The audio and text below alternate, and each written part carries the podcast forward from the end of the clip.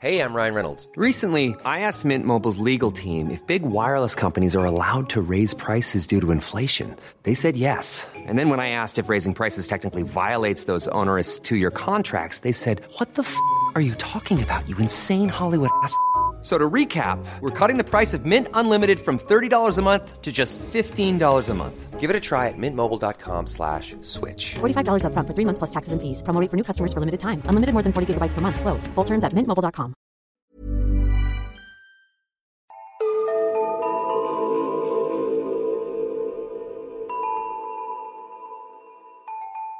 Hej och välkomna till Nära ögat, en true crime-podd för mesar. Mitt namn är Alexandra Kensdottir.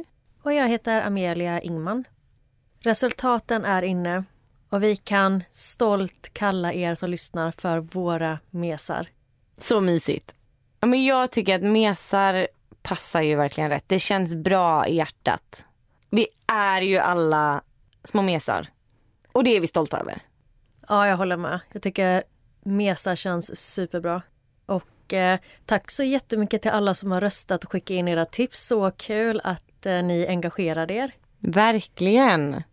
Och det känns ju nästan lite vemodigt att sitta här i studion idag.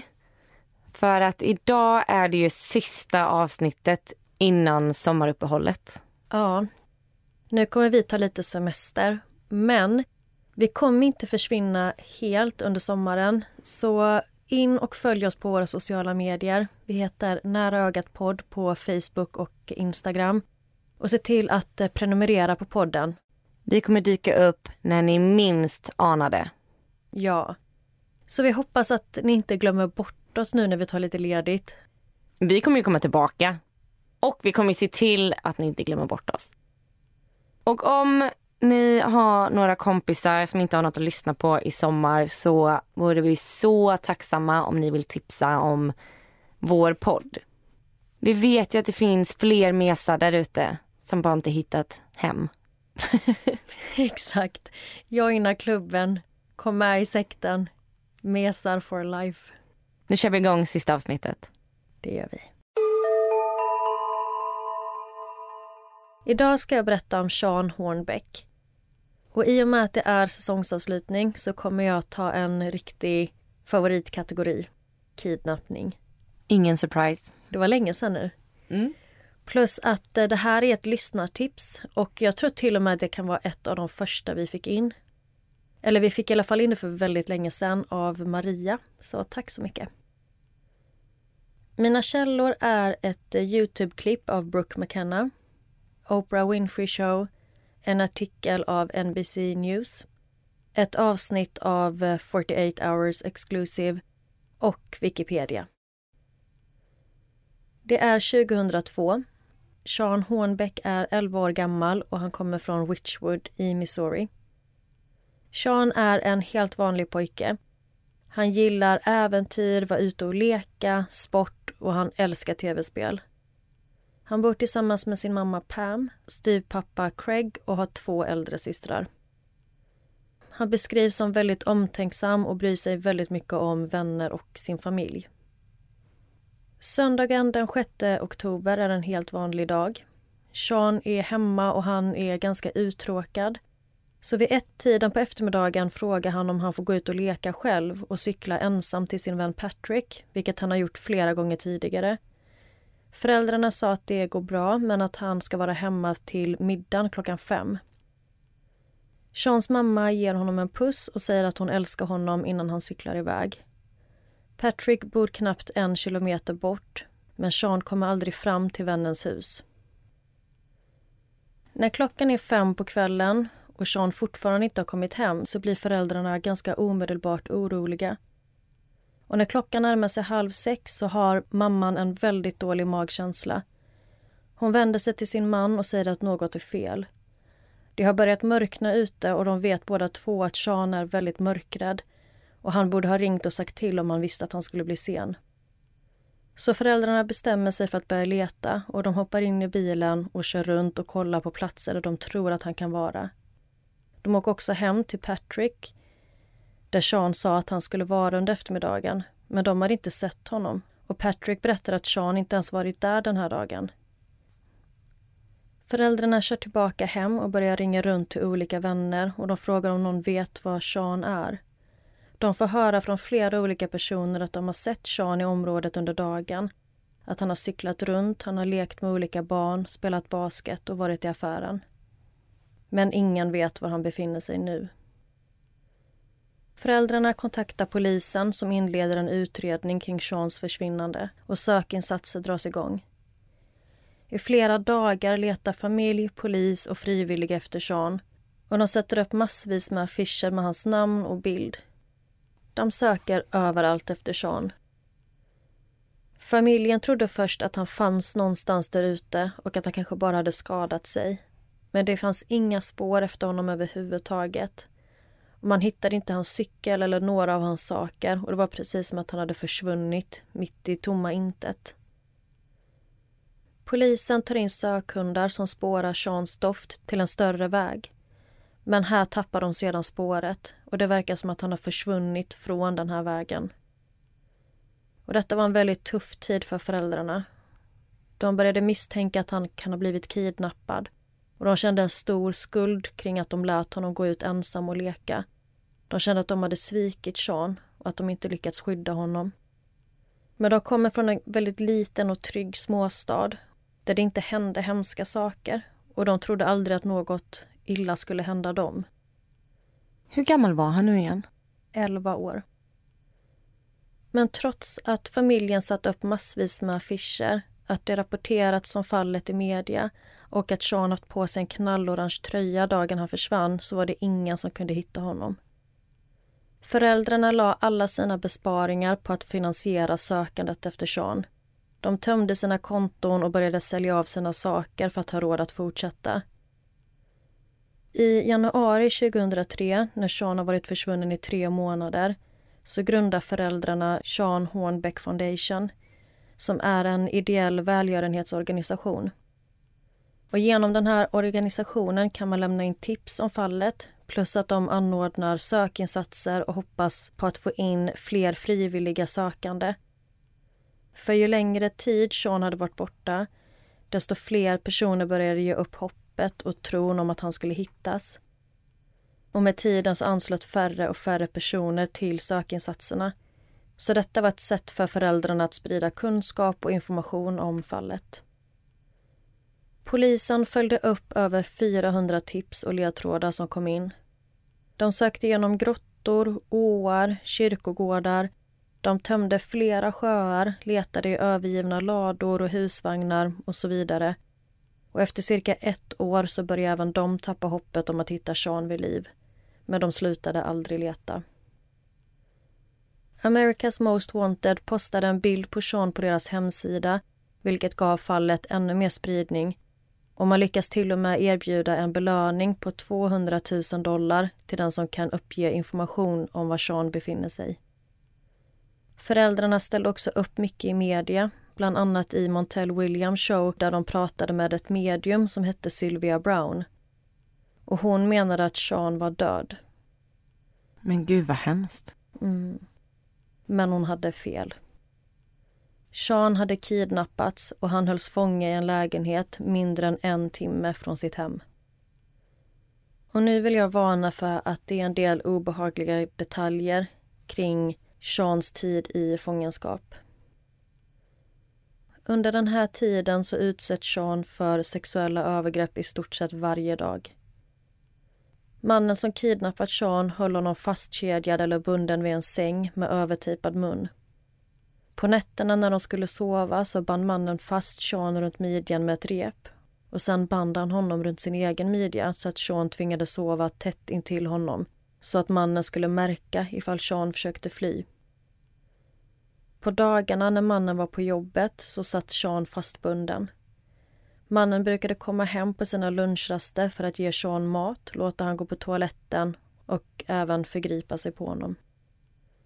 Vid halloween, cirka en månad efter kidnappningen tar mannen med sig Sean ut ur lägenheten och kör honom till en avlägsen plats mitt ute i ingenstans. Mannen säger till Sean att kliva ut ur bilen och sen börjar han strypa Sean och försöker ta livet av honom. Sean får panik och han ber för sitt liv och lyckas få ur sig att han skulle göra vad som helst för att få leva. Kidnapparen släpper taget och säger okej, okay, han ska få leva men att han har vissa regler och krav som Sean måste följa. Sean fick svära att aldrig någonsin försöka kontakta någon, aldrig försöka fly och om han skulle göra det så kommer mannen att mörda Sean och skada hans familj. Så Sean går med på villkoren. Sean älskar sin familj och han vill göra allt han kunde för att skydda dem. Så han vågade aldrig försöka fly efter det här. Han gjorde allt vad han kunde för att sköta sig och lyda kidnapparen. I efterhand har Sean berättat att ingen kommer någonsin förstå hur han hade det. Och om man själv inte har varit i en liknande situation så går det inte att föreställa sig hur det är. Sean trodde varje dag att han skulle bli mördad. Kidnapparen blir allt mer självsäker av den makten han har över Sean. Så pass att han nu börjar låta Sean vara ensam hemma utan att vara fastbunden. Sean börjar även få lämna lägenheten. Han får vara ute och cykla och göra ärenden åt mannen. Och kidnapparen börjar lita på Sean. För han har aldrig försökt springa ifrån honom, skrika efter hjälp och han lydde alltid. Så Sean började få olika belöningar. Han fick till exempel spela tv-spel. Tiden i fångenskap var fruktansvärd. Sean mådde såklart väldigt dåligt och han började också tappa tidsuppfattningen och hade inte längre koll på vilken dag eller månad det är. Vid en tidpunkt så trodde han att det var juli men så tittar han ut och så ser han att det snöar. Sean fick tiden att gå genom att sova, titta på tv eller spela tv-spel. Och Det som fick honom att klara av det här och inte ge upp var hopp och bön. Sean kom från en väldigt kristen familj och han brukade ofta be om att bli räddad och att få återförenas med sin familj. Och Det hände att Sean ville avsluta allt men han visste att familjen fanns där ute och att de letade efter honom. Och det gav honom kraft. Han ville inte lämna dem och låta dem fortsätta leta förgäves. Efter sju månader i fångenskap tillåter kidnapparen Sean att skaffa en ny vän. En 13 år gammal grannpojke som heter Tony Douglas. Tonys familj trodde att kidnapparen var Seans pappa och att mamman mist livet i en bilolycka. För det var den historien som kidnapparen tvingade Sean att berätta. En annan del av historien var att Sean var hemskolad. Och grannarna hade ingen anledning att tvivla på Sean eller kidnapparen. För utåt sett så verkade han vara en bra pappa. Tonys familj berättade att de upplevde det som att han nästan skämde bort Sean. Att han fick nya tv-spel, cykel och vad han än ville ha. Under de kommande åren blir Sean väldigt nära Tonys familj. Han får följa med dem på olika utflykter, shoppingrunder. De går ut och äter på restaurang och Sean får till och med sova över hemma hos dem.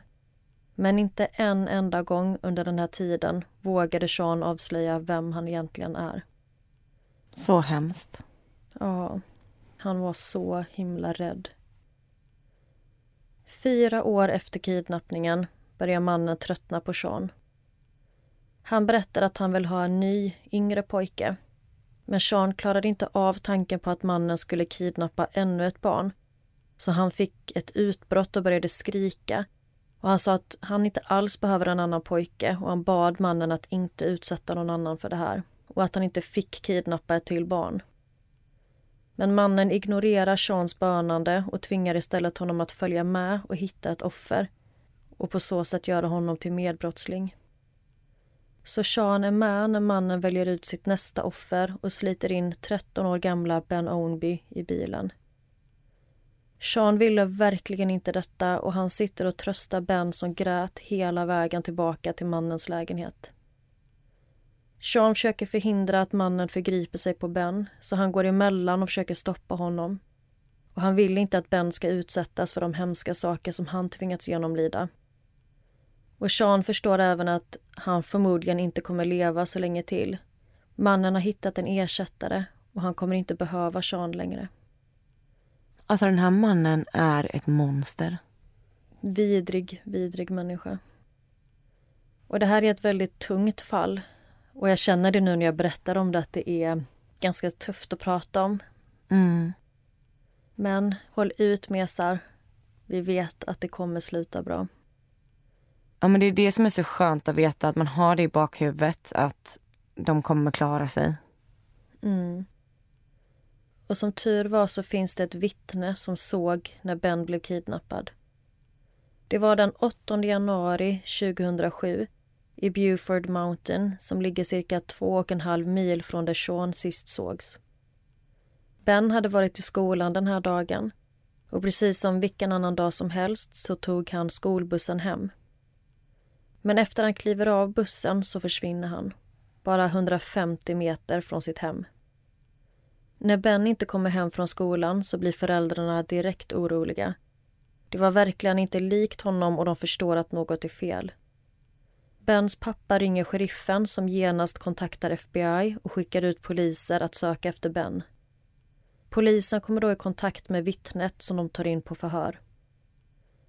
En 15 år gammal pojke hade klivit av samma skolbuss som Ben för att sedan gå till sin bil som var parkerad vid busshållplatsen.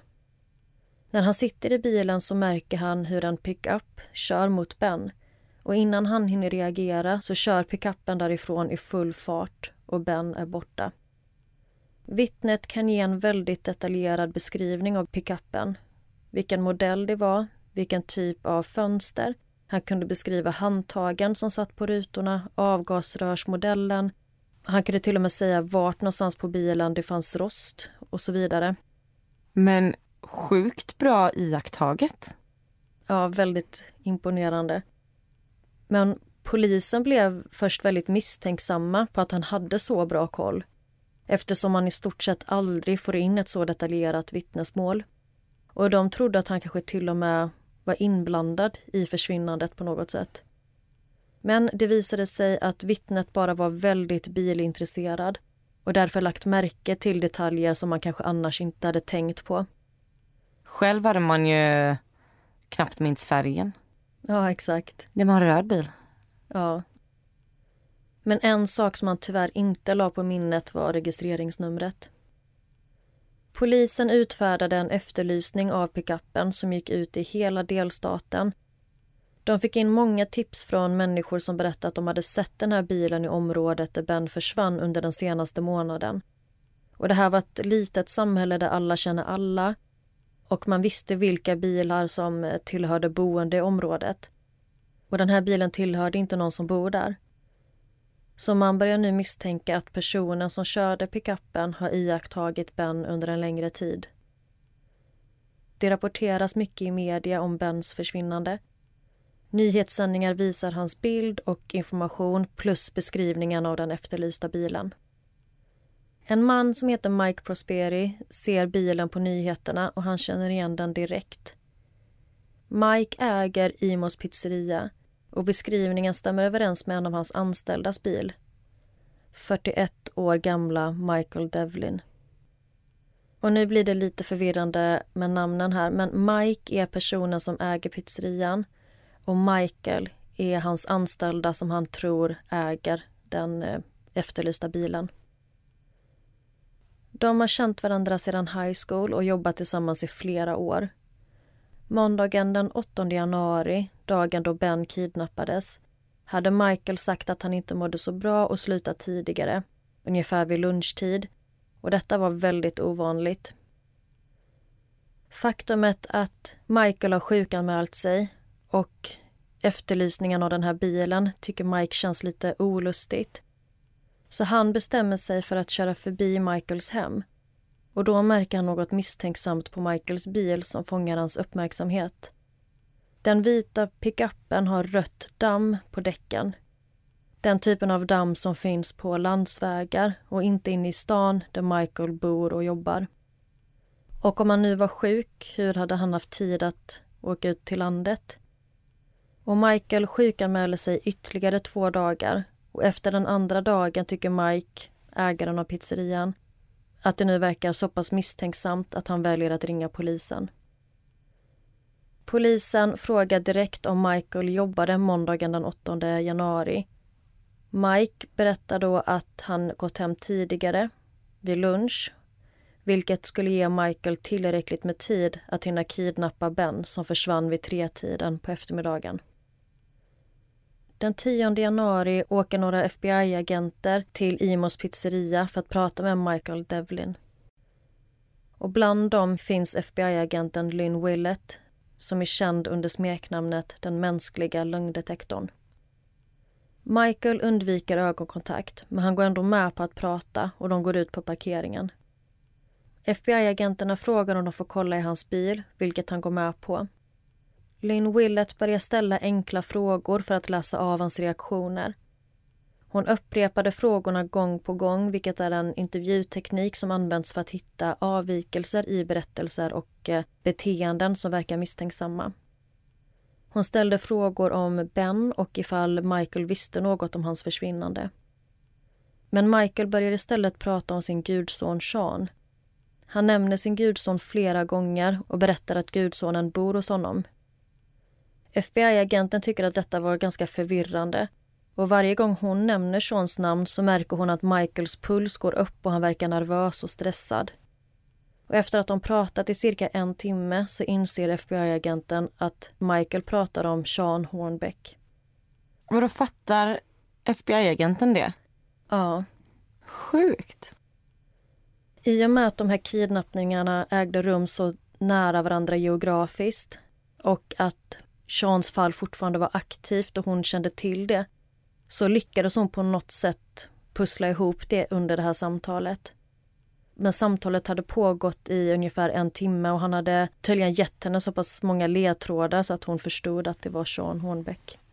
Alltså så bra jobbat. Ja. Det känns som att vi alltid går igenom massa fall när polisen missar ledtrådar. Mm. Och att hon då kan dra den här kopplingen på att prata med honom i en timme. Mm, men de hade ju inga bevis för det. Nej.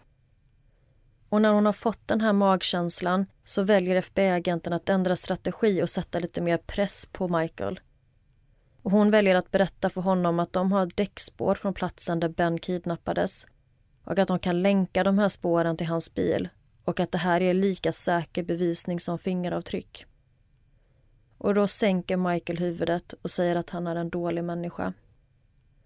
Det visade sig att de hade hittat rätt man och Michael förstod att det var kört. Han säger att Sean inte alls är hans gudson, utan Sean Hornbeck. FBI-agenten frågar om han även har Ben och Michael svarar ja. Sean har nu varit försvunnen i fyra år och tre månader och Ben kidnappades för fyra dagar sedan. FBI-agenterna tar med sig Michael och de kör till hans lägenhet tillsammans med en polispatrull. De går fram till ytterdörren. FBI-agenterna ber Michael att låsa upp och när de öppnar ser de två pojkar sitta inne i soffan. De kan knappt tro att det är sant. Båda lever. FBI-agenten säger att de är i säkerhet och att de ska få åka hem. Ben flyger upp ur soffan och springer mot dörren och slänger sig i famnen på poliserna och de håller om honom. Men Sean kan knappt tro att det är sant och han sitter helt blickstilla. Och det var som att han nästan frös av chock. Det hade gått så lång tid och han hade tappat hoppet om att någonsin bli räddad. Han trodde aldrig att han skulle lyckas ta sig härifrån. Ja men vad sa du, han var 11 när han kidnappades. Ja, Och nu är han ändå 15. precis. Han har ju hunnit bli en tonåring. Ja. Och det finns ganska många bilder från den här tiden i fångenskap som jag kan lägga ut på Instagram och Facebook. Som är tagna antingen av kidnapparen eller av Seans vänner. Och eh, han växer verkligen upp under den här tiden. Från att vara ett litet barn till, som du säger, tonåring. Seans föräldrar sitter i bilen när telefonen ringer. Samtalet kommer från åklagarmyndigheten och de ber dem säga till när de har hittat någonstans att parkera innan de berättar vad det är som har hänt. Och detta gör föräldrarna väldigt nervösa. De hinner förbereda sig på värsta tänkbara beskedet. Men när de får höra att de har hittat Sean, att han lever och är i säkerhet så bryter de ihop. De är helt överlyckliga. Och efter samtalet kör föräldrarna direkt till sheriffens kontor där Sean väntar på dem. Inför återföreningen var föräldrarna såklart väldigt exalterade men också nervösa. Craig, pappan, fick påminna Pam om att det har gått fyra år sedan de såg honom och att de kanske inte kommer känna igen honom. Men så fort de klev in i rummet och mötte Sean så såg de att det var han. Det fanns ingen tvekan alls. Pam och Craig visste att det var deras son och de kramar om honom och gråter av lycka. Bens föräldrar kommer också till sheriffens kontor och deras återförening var också lika fin och fylld av kärlek. Polisen som ledde utredningen kring Seans försvinnande fick också den här fantastiska nyheten. Och även han bröt ihop i glädjetårar. Och det var den här polisen som hade följt upp över 400 ledtrådar och burit med sig det här fallet i fyra år. Väl hemma igen försöker både Sean och Ben att sakta komma tillbaka till sina rutiner. Och polisen gav dem utrymme att vara med sina familjer ett tag innan de började ställa frågor kring det de varit med om. Sean är väldigt öppen och berättar att dagen då han försvann så cyklade han längs med en stor väg när han hör en bil komma körandes bakom honom. Han tyckte det lät som att bilen körde väldigt långsamt men han tänkte att det kanske bara var något som hade hänt och att föraren behövde stanna till. Sean fortsatte cykla men blev sen påkörd bakifrån så att han flyger av sin cykel och landar på marken. Och sen ser han en stor man närma sig. Mannen lyfter upp Sean och slänger in honom i bilen. Mannen binder sedan Seans händer innan han hämtar cykeln som han slänger upp på flaket bak på bilen. Mannen tar sedan fram en pistol och Sean förstår att han är i fara och att han måste göra vad som krävs för att överleva. Mannen sätter sig bakom ratten och kör dem därifrån och han säger till Sean att han hade oturen att vara på fel plats vid fel tillfälle. Och många har undrat varför Sean aldrig försökte fly. Att om han hade sin frihet och vänner, varför sa han aldrig någonting? Men man har inte rätt att döma honom. Man kan inte sätta sig in i vad det var han faktiskt gick igenom. Och Sean var bara 11 år när han kidnappades. Och kidnapparen kontrollerade honom genom rädsla och terror. Han utsattes för återupprepad våld och övergrepp och Sean hade hela tiden kidnapparens ord i huvudet att han skulle bli mördad om han inte skötte sig. Men det är ändå många som har svårt att förstå för han hade ju tillgång till internet och grannar såg honom och han hade vänner. Och även vännen Tonys familj menar att det fanns två tillfällen då Sean kunde sagt något.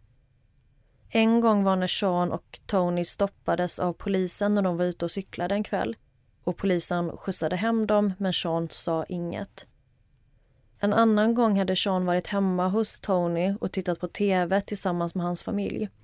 Och då hade de sett en nyhetsrapportering om kidnappningen av Sean tillsammans med en eh, bild på honom. Och vännens familj hade alla tittat på Sean och frågat rakt ut om det var han på bilden. Att det måste vara han för att de är så himla lika. Men Sean säger att det inte alls är han och försöker skämta bort det. Och familjen väljer att tro på honom. Trots att de ser att det är Sean på bilden. De har samma förnamn och han bor nu ensam tillsammans med en man och är hemskolad. Men av någon anledning så tyckte de inte att det var tillräckligt misstänksamt för att kontakta polisen. Men en annan sak som ingen visste i stunden var att Sean försökte kontakta sin familj två gånger under sin tid i fångenskap. Han postade meddelanden på föräldrarnas hemsida under alias Sean Devlin där han frågade hur länge kommer ni leta efter er son? Pappan såg det här meddelandet men förstod aldrig att det var från Sean. Och han svarade därför aldrig på meddelandet. Sean skickade ytterligare en gång där han frågade om han fick skriva en dikt om deras son. Han försökte ge dem ledtrådar och hoppas att föräldrarna skulle förstå att det var han. Men de fick in så extremt mycket brev och meddelanden varje dag så tyvärr så stack inte detta ut och de reagerade aldrig på det. Kidnapparen Michael J Devlin åtalades för de båda kidnappningarna. Men den 18 januari 2007 säger Michael att han är oskyldig. Han häktas med en borgensumma på en miljon dollar i väntan på rättegång. I en intervju med New York Post i januari 2007 säger Michael att han inte vet hur han ska förklara det här för sina föräldrar. Under samma intervju menar han att han hade varit lycklig när Sean bodde hos honom och att han känt sig ensam innan dess eftersom de flesta av hans vänner hade gift sig och försvunnit. Hur gammal var han? 41. Alltså jag blir alltså förvånad över att de är så unga. Mm. Det här är inte några så ensamma gubbar i skogen utan det här är så här, det är en ung man. Men det kanske är därför med som ingen misstänkte att det var något som inte stämde. Mm. För han såg ut som en vanlig kille. Han var i rätt ålder för att kunna vara Seans pappa. Mm. Den 5 februari la åklagaren till 71 nya åtalspunkter till de befintliga anklagelserna. De första 18 punkterna avser bortförandet av Ben 2007 och de återstående 53 punkterna är kid If you thought the only way to get a more defined jawline with natural looking results was through surgery, think again. Juvederm Volux XC is a non surgical injectable gel filler that improves moderate to severe loss of jawline definition and can help you achieve natural looking results with little downtime. Even better, this improved definition lasts up to one year with optimal treatment. No maintenance required. Improve jawline definition for a smooth, sculpted look with Juvederm Volux XC. For important safety information and to find a licensed specialist, visit juvederm.com. That's J U V E D E R M.com. Not for people with severe allergic reactions, allergies to lidocaine, or the proteins used in Juvederm. Common side effects include injection site redness, swelling, pain, tenderness, firmness, lumps, bumps, bruising, discoloration, or itching. There's a risk of unintentional injection into a blood vessel, which can cause vision abnormalities, blindness, stroke, temporary scabs, or scarring. Talk to a licensed specialist to find out if it's right for you. Burrow is a furniture company known for timeless design and thoughtful construction and free shipping, and that extends to their outdoor collection. Their outdoor furniture is built to withstand the elements, featuring rust-proof stainless steel hardware, weather-ready teak, and quick-dry foam cushions. For Memorial Day, get 15% off your Burrow purchase at burrow.com slash ACAST and up to 25% off outdoor. That's up to 25% off outdoor furniture at burrow.com slash ACAST. och övergrepp relaterade till bortförandet av Sean 2002. Var och en av dessa individuella punkter medförde möjligheten till livstidsfängelse. Och i oktober erkände Michael Devlin sig skyldig till anklagelserna mot honom vilket innebar att han därmed slapp rättegång och detta var en lättnad för Sean att slippa vittna. Erkännandet kom efter att polisen informerat om att de samlat in bild och videobevis där man ser Michael förgripa sig på Sean i lägenheten. Och Michael Devlin tilldelades totalt 71 stycken livstidsdomar. Han dömdes bland annat för kidnappning, övergrepp och mordförsök men ger ingen som helst förklaring kring varför han begått dessa brott. Den 9 april 2011, efter att ha spenderat fyra år i fängelse så blir Michael knivhuggen av en annan intagen som heter Troy Finton. Troy hade skapat två vapen som beskrivs som istappar av delar från en skrivmaskin och han hade döpt de här istapparna till Ben och Sean innan han attackerade Michael. Men vakterna lyckades avbryta attacken och Michael överlevde. Och nu tänkte jag berätta lite kort om livet efteråt. Ben lyckades sakta men säkert komma tillbaka till vardagen och han lärde sig hantera det här traumat han utsattes för med hjälp av psykolog och en väldigt stöttande familj. Idag är Ben 27 år gammal och han bor och studerar i St. Louis. Han älskar filmproduktion och verkar leva ett eh, relativt normalt liv. Han höll kontakten med sheriffen som ledde utredningen av hans kidnappning och för bara några år sedan så närvarade Ben på sheriffens avskedsfest när han gick i pension. Även Sean fick sakta vänja sig tillbaka till vardagen med sin familj. Och efter domen kom så kände Sean att han äntligen kunde gå vidare. Han började köra motocross igen, vilket han hade älskat att göra när han var yngre. Han började umgås med sina gamla vänner och gå i skolan. Trots att han missat fyra år i skolan så jobbade han hårt för att komma ikapp, vilket han lyckades göra på endast ett och ett halvt år. Sean fyller 30 nu i juli och han brinner för att hjälpa andra utsatta barn och personer. Och han samarbetar bland annat med polis där han har kontakt med och stöttar familjer som varit med om liknande trauman. När Sean får frågan om han är arg över det som hände honom och allt som han utsattes för så berättar han att han väljer att ha en positiv inställning till livet. Han säger att han är för upptagen av de bra sakerna i livet för att vara arg och bitter. Istället för att fokusera på det han har förlorat så tittar han framåt. Han ser fram emot morgondagen och de små sakerna som att få umgås med sin familj eller köra cross. Sean säger att ett sånt här trauma definierar inte dig och avgör inte vem du är. Det är något som hände och det är inte ditt fel. Och du måste våga fortsätta framåt och tro på en bättre morgondag. Och det var historien om Sean Hornbeck och Ben Ownby. Alltså wow, vilken historia. Förlåt om jag avslutar säsongen på ett ganska tungt sätt, men ja. Jag blir alltså imponerad av personer som Sean som har varit med om helvetet i fyra år men som fortfarande kan komma ut med en sån positiv attityd och en optimistisk syn på livet. Jag tycker det är helt fantastiskt. Ja, och jag har sett flera intervjuer med Sean. Dels bara några veckor efter han återförenades med familjen men också några ganska nya. Och det är verkligen något han haft med sig hela tiden. Den här positiva inställningen till livet, tacksamheten och kärleken till sin familj. Han är verkligen inspirerande. Ja, alltså man vill knappt ge Michael någon uppmärksamhet. Vilken fruktansvärd människa. Mm, verkligen. Och det är lite frustrerande att man aldrig fick något svar kring varför han valde att kidnappa de här pojkarna. Och han har ställt upp i intervjuer och han pratar väldigt gärna om sig själv och sina tankar.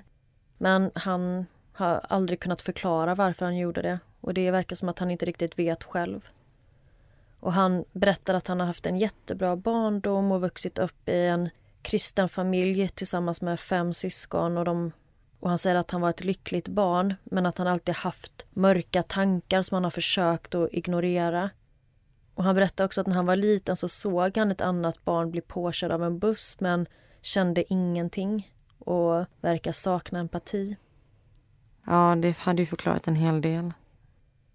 Jag blir väldigt frustrerad när man hör att folk tycker det är konstigt att inte Sean sökte hjälp. Mm. För det är så mycket alltså, victim blaming. Alltså man är... Nu har jag inte själv varit i någon sån situation. Men alltså, jag kan inte ens föreställa mig den rädslan man känner. Och man måste väl bli hjärntvättad på ett eller annat sätt. Alltså du lever under konstant terror. Ja. Alltså att ens våga tänka tanken att söka hjälp måste liksom, speciellt när du är ett barn. ja. Plus att Michael visste att den här mannen hade pistol. Han hade blivit hotad med den flera gånger. Mannen hade försökt strypa honom. Sean visste vad han var kapabel till. Och han tänkte ju varje dag att det här är dagen jag kommer bli mördad. Ja, han hade väl också sagt att han skulle alltså, skada hans familj. Mm. Och det var ju en stor anledning till att han inte vågade försöka fly. Han tänkte att han skyddade sin familj. Mm.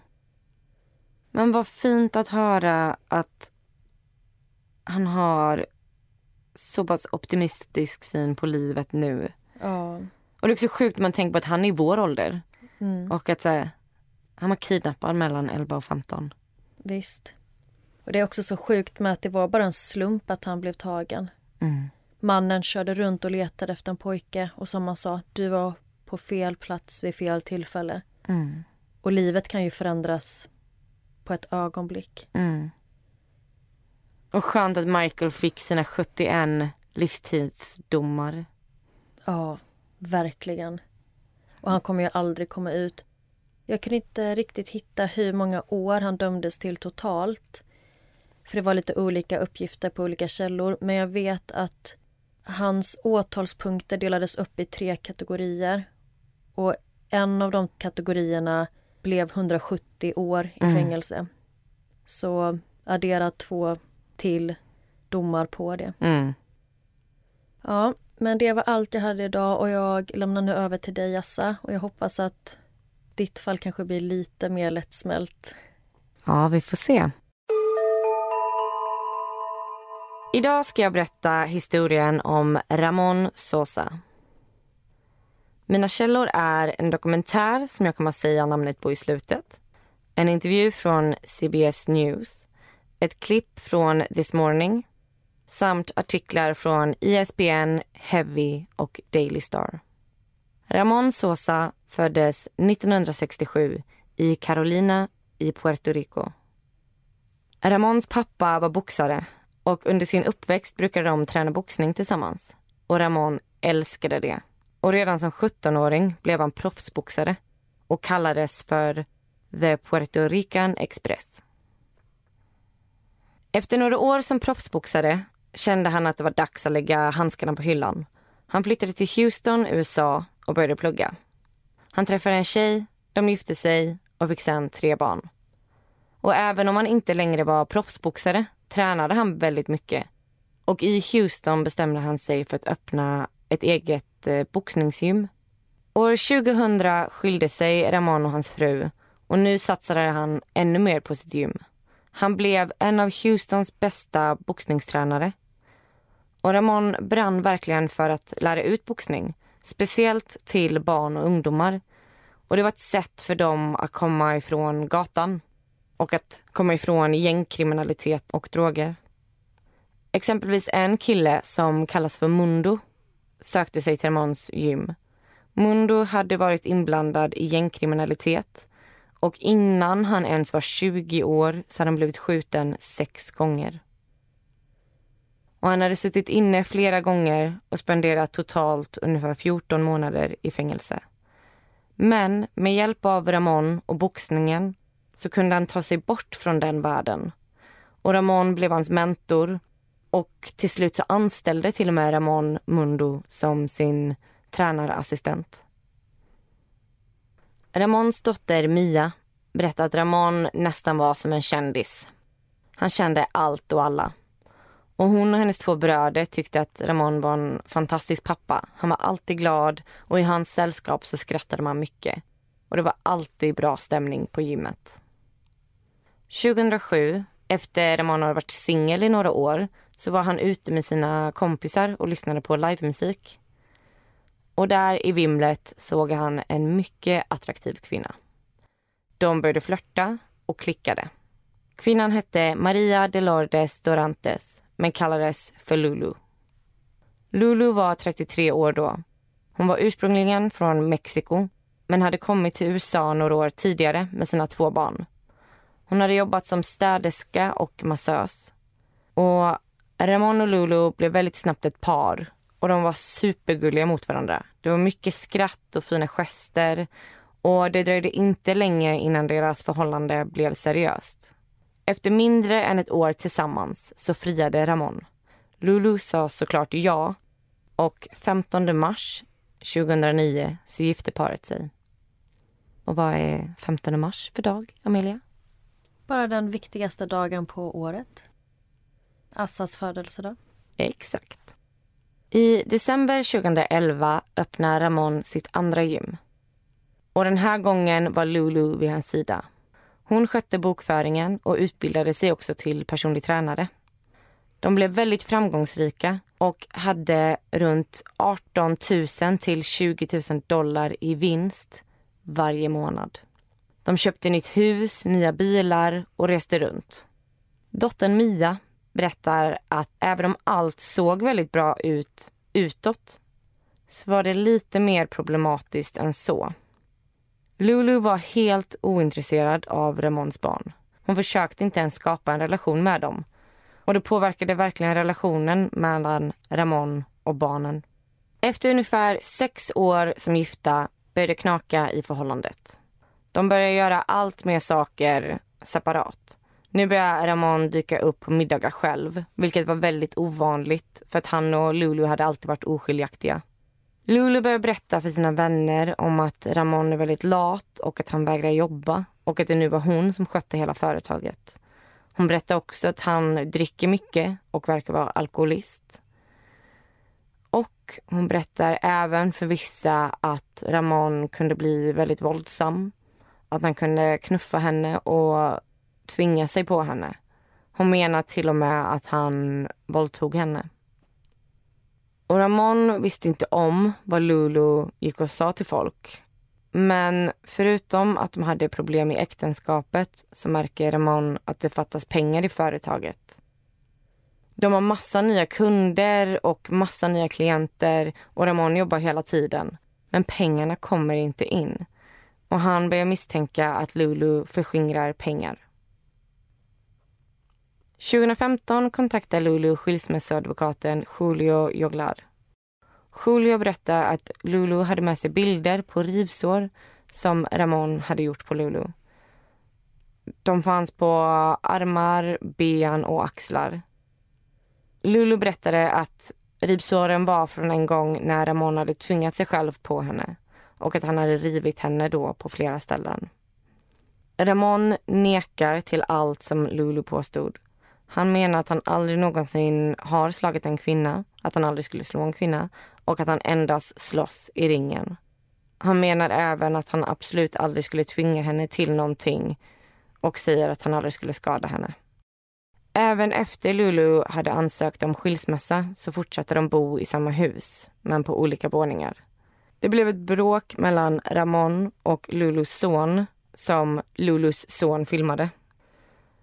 Bråket var att Ramon tog en bil som både Lulus son och Ramon menar att de står som ägare på.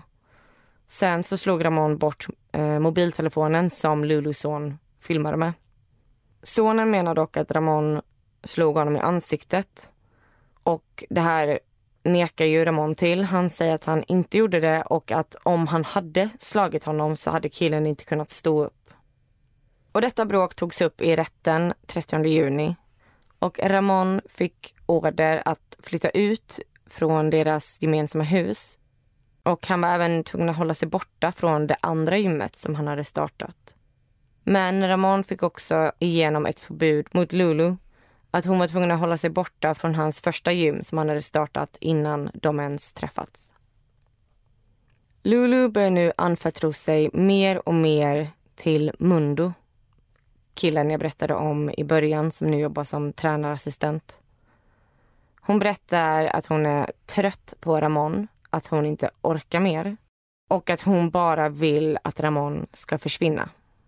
Och då frågar Mundo vad hon menar. Och då säger hon bara att hon vill att Ramon ska försvinna för gott. Och Mundo förstår då att hon menar att hon vill få honom dödad. Mundo var nära de båda, men Ramon var ju som en fadersfigur för honom. Och Mundo funderar snabbt kring hur han ska göra. Och sen säger han till Lulu att han kanske känner någon som kan fixa det. Nej, Mundo. Gör det inte. Så fort konversationen tog slut så gick Mundo ut och ringde Ramon. Han berättar då att Lulu vill få Ramon dödad och Ramon blir chockad och han tror inte på det till en början. Men Mundo säger att han såg på Lulu att hon menade allvar och han kände igen den blicken från tiden på gatan. Och Ramon börjar då lägga ihop ett och ett och förstår att om han skulle dö innan skilsmässan är klar så får hon allt.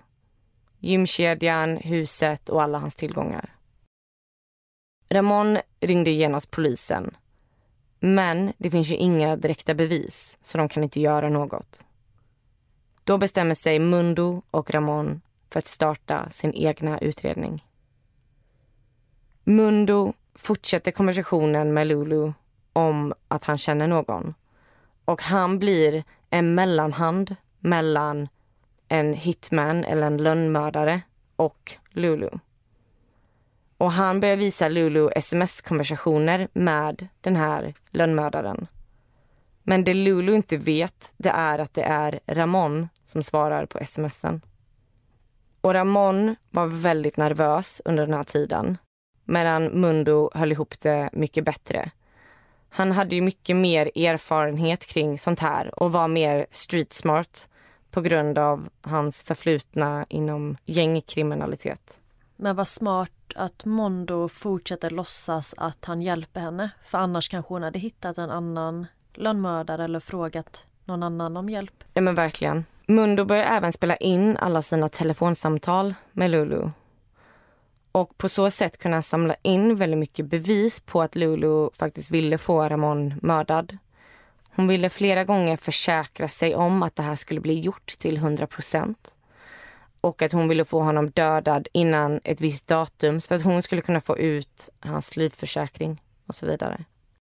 Ramon å andra sidan börjar bli rädd för att det här skulle dra ut på tiden och att Lulu kanske skulle anställa någon annan. Så att han blev lite paranoid under den här tiden och han var livrädd. Han började bära pistol med sig vart han än gick. Han sov till och med med en laddad pistol under kudden.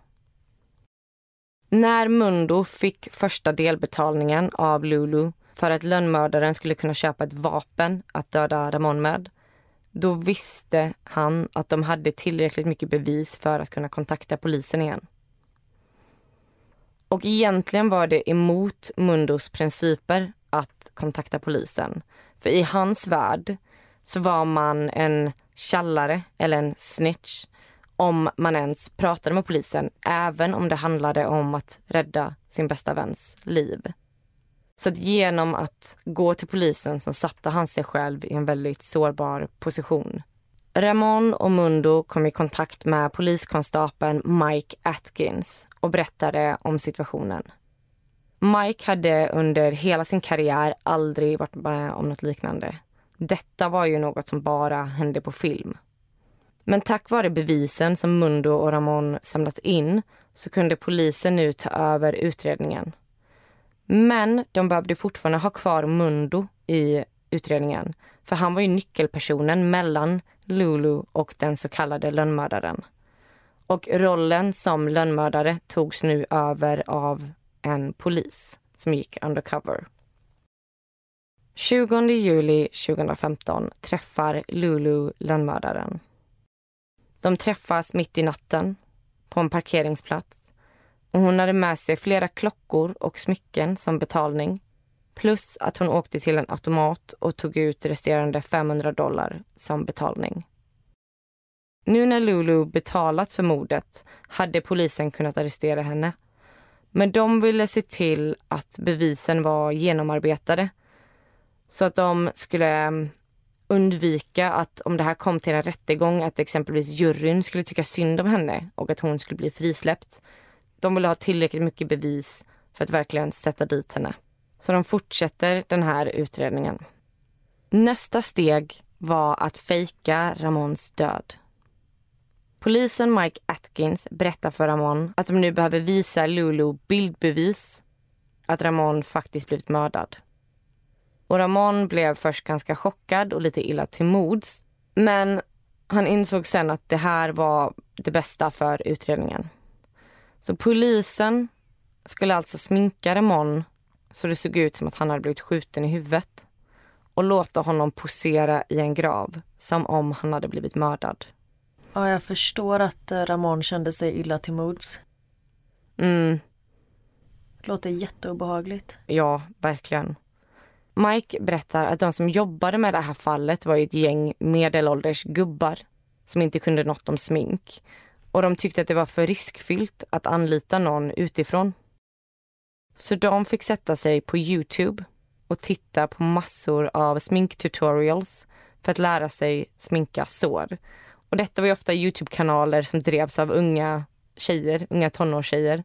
Så satt de här gubbarna och pluggade för fullt. Och de var ju tvungna att få det att se väldigt verkligt ut. Och därför tittade de också på många bilder från faktiska brottsplatser där folk hade blivit skjutna i huvudet på riktigt. Och när det var dags för fotograferingen så hittade de ett privat område där de grävde en grav. Ramon hade ju sminkats med massa fejkblod och de smutsade ner honom ordentligt och knöt hans händer bakom ryggen. Sen fick Ramon lägga sig i graven. Han berättar att han tyckte att det här var väldigt jobbigt. Att det var extremt läskigt. Nu sjönk det in och det blev väldigt verkligt. Det var det här Lulu ville och något hon hade betalat dyra pengar för. Att han skulle ligga mördad i en grav mitt ute i ingenstans. Och under de här dagarna så var Ramon tvungen att försvinna. Så ingen förutom polisen visste vart han var. Hela hans familj letade efter honom och han var tvungen att spela död för att inte avslöja bluffen. 23 juli 2015 möts Lulu och lönnmördaren igen på parkeringen. Och den här gången fångas allt på film. Lönnmördaren berättar att allt är klart. Lulu tycker att det är bra att betala 1000 dollar och säger att resterande pengar, drygt 2000 dollar, kommer senare. De pratar lite om hur det gick till. Lönnmördaren berättar vart de tog honom och att han hade kämpat emot.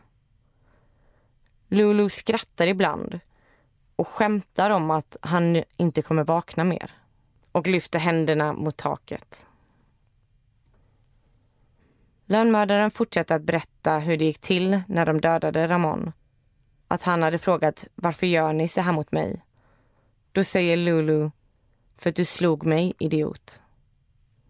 Så det är som att hon håller fast att Ramon hade slagit henne. Dagen efter kommer polisen till gymmet. Där ber de att få prata med Lulu. Och även detta finns på film. De berättar att Ramon inte har dykt upp på jobbet och att de letar efter honom. Och hon säger att hon inte har träffat honom sedan 15 juli då de genomgår en skilsmässa. Polisen ställer en massa frågor. De frågar bland annat om han har kontaktat henne de senaste 24 timmarna, men hon nekar. Och de låter hennes skådespel fortsätta ett tag till innan de arresterar henne. Då kunde Ramon äntligen få ringa till sina barn och säga att han mådde bra och att han levde. Och då var han även tvungen att berätta vad som hade hänt. Att Lulu hade anlitat en lönnmördare. Och detta var ju såklart väldigt svårt för barnen att ta in. Under väntan på rättegången så ogiltig förklarades åtalet om misshandel.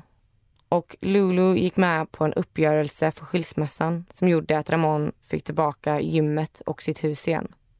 Och efter Lulu varit häktad i 15 månader i oktober 2016 så erkände hon sig skyldig.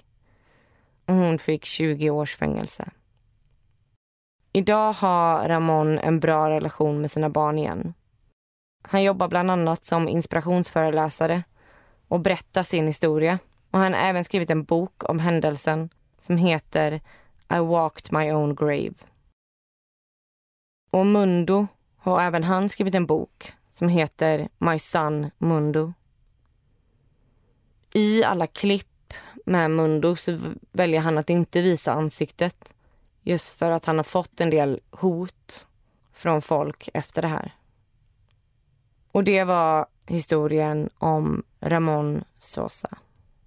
Och dokumentären som jag pratade om i början heter Dead Man Walking. Vilket spännande fall. Jag hade aldrig hört talas om detta innan. Och så sjukt att han iscensatte sin egen avrättning. Mm.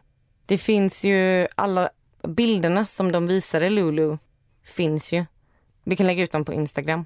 De är inte för grova då? Eftersom att man vet att han lever och att det är fake tycker inte jag att de är för grova. Men han ser ju död ut. Mm. Ja, vi kan lägga ut och lägga en liten varning i bildtexten först. Verkligen. Obs! Han lever. Exakt. Och så sjukt att Lulu väljer att göra detta. Hon hade ju bara kunnat lämna honom. Det här är ju så hemskt. Mm. Och jag vet inte hur mycket som stämmer av det som Lulu sagt att Ramon hade gjort. Men enligt så här, deras gemensamma vänner och enligt Ramon och enligt advokaterna och så där så var det mycket som inte stämde. Alltså Ramon var ju inte alkoholist och han jag hade visst jobbat mycket och det verkar som att Lulu hade förskingrat pengar från företaget jag vet inte om han slog henne eller inte. Men en del saker som hon sa hade inte stämt. Men däremot så håller hon ju fast vid, även i bilen när hon inte vet om att hon blir filmad så säger hon ju att det är för att han slog mig. Exakt, så man vet inte exakt vad som försiggick bakom stängda dörrar. Nej, precis. Men det är ändå ganska magstarkt av henne att hon gick till Mundo. Alltså en gemensam vän. Mm. Det är klart att han inte skulle vilja hjälpa henne ta livet av Ramon. Mm. Ja, och det var ju som att hon gick till Mundo och hintade om vad det var hon ville göra. Hon visste ju hans bakgrund. Och då var ju ändå han så pass snabbtänkt att han sa jag tror jag känner någon som kan hjälpa dig. Mm. Det kanske räddade livet på Ramon. Mm. Förmodligen. Och det är, så, alltså det är så hemska bilder när de sitter i bilen och hon får se bilden på sin döda man som har blivit mördad. Och så skojar hon om att ja, men nu kommer han inte vakna mer och sätter upp händerna lite som att så här, whoop, whoop. Det är som att hon firar. Ja, Ja, det är hemskt. Jag tänker också att hon var ju redan på väg bort från förhållandet. Skilsmässan var ju på gång. mm.